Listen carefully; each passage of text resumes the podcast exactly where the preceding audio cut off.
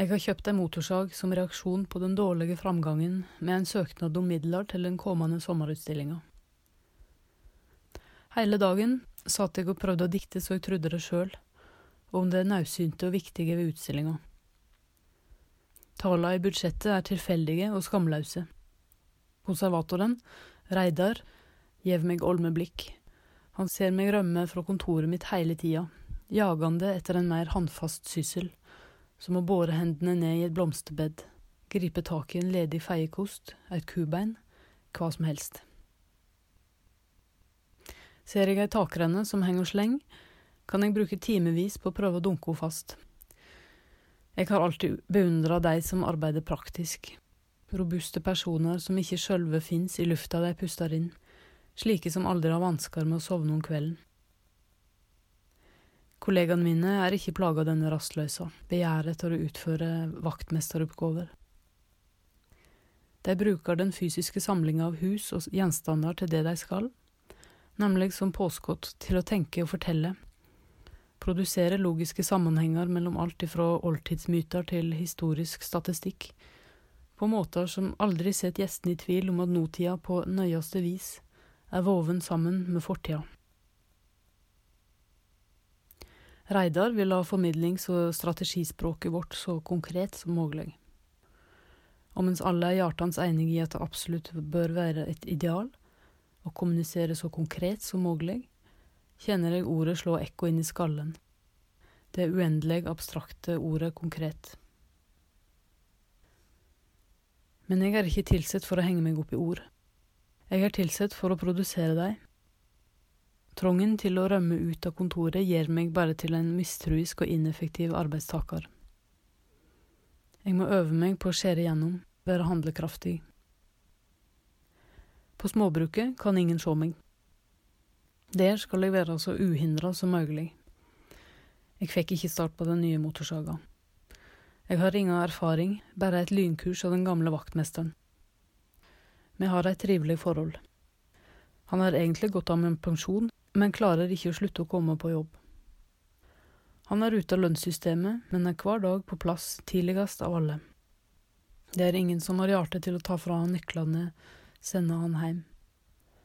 Jeg bruker å samle opp spørsmål til han, for å gi han glede av å svare på dem, sjøl om jeg ofte kjenner svara på førehånd. Jeg prøver så godt jeg kan å behandle han som et orakel. Det er min form for eldreomsorg. Det fyller meg med godhug å se pensjonistovergangsdesperasjonen som ulmer under den sedate overflata. Han har ikke funnet roa, og er ikke kulturelt oppdregen til å klage over kroppens sakte undergang.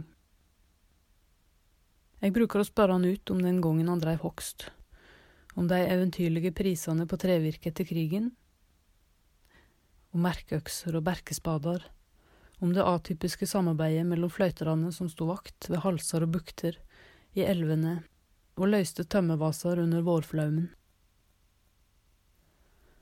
Sommerens utstilling skal handle om attgroing av det lokale kulturlandskapet. Det er for tida mest penger å hente på å tematisere klimakrisa. Så jeg prøver å få søknadstekstene til å høres klimakriseaktige ut. Hvordan forvandlinga fortrenger det økologiske mangfoldet. Hvordan diverse sommerfugler og blomster taper terreng. Jeg formulerer endringer i naturen som en generell trussel, klipper inn alle mulige slags fanatiske sitat, mens jeg kjenner på ubehaget i å vikle meg inn i påstander jeg bare har gjetta meg fram til. Kanskje jeg vil forstå mer om skogens vekst ved å felle noen graner, vonlig uten å knuse huset. Hva er et tre i praksis? Jeg veit ikke. Jeg har ikke fått start på motorsaga. De som feller skog, bruker skogsmaskiner. Det er anakronistisk å kjenne tyngda av et tre, av greiner på kroppen. En må ha levd lenge for å oppfatte forvandlinga i den omseggripende skogen. Hvem veit hva tidspunkt skogen ble størst og mennesket mista oversikta. En kan bare prøve å se for seg tida da det var gardsdrift alle steder, og landskapet kontinuerlig var i bruk, hvordan det var nedgneget, oppfyrt. I utstillinga i sommer skal vi bruke nye og gamle fotografi som illustrerende bevis. På de gamle bildene står laftahus og alvorlige familier oppstilte i landskap der ikke en kvist er å se. Ved siden av skal vi henge opp nye bilder av samme staden, totalt overgrodd. Så kan publikum sammenlikne. Fortidige, nakne kulturlandskap er populære motiv. De framkaller nostalgi. Verda på de gamle fotografiene er kontrollert og nyttiggjort. På de nye fotografiene bærer mørkegrønt villnis. Planen er å få publikum til å kjenne på avstanden, lengte mot tida da ute var et rydda rom. Jeg kjenner på denne lengten sjøl, i skuggen av granene som jeg nå kan kalle mine. Planen er å sende deg til himmels gjennom den gamle ovnen. Det kan diskuteres hvor naudsynt det hele er. Jeg må ha ved for å varme opp huset, men jeg må jo strengt tatt ikke være der. Jeg har laga meg et behov. Men likevel kjennes det naudsynt, kanskje ikke for noe annet enn for kontorrottehendene mine. Skogen er annerledeslaus og like sel. Naturen forvandler. En høststorm kan velte et tre over huset, eller det kan komme et ras som vanlig er i dette bratte området. Liene henger, og telen sprenger kampesteinene løs om våren. Jeg har ikke forsikra noe. Huset utgjør ikke noen særlig pengeverdi ennå. Det ville ikke ha vært katastrofe for noe annet enn mine egne kjensler om alt skulle knuses til pinneved.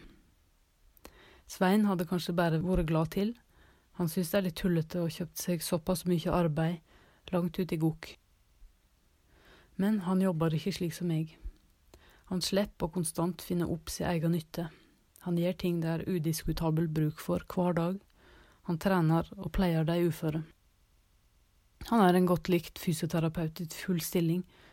arbeider er utmattende, så han elsker å fri på kvelder og i helgene. Jeg skal være den siste til å nekte han det.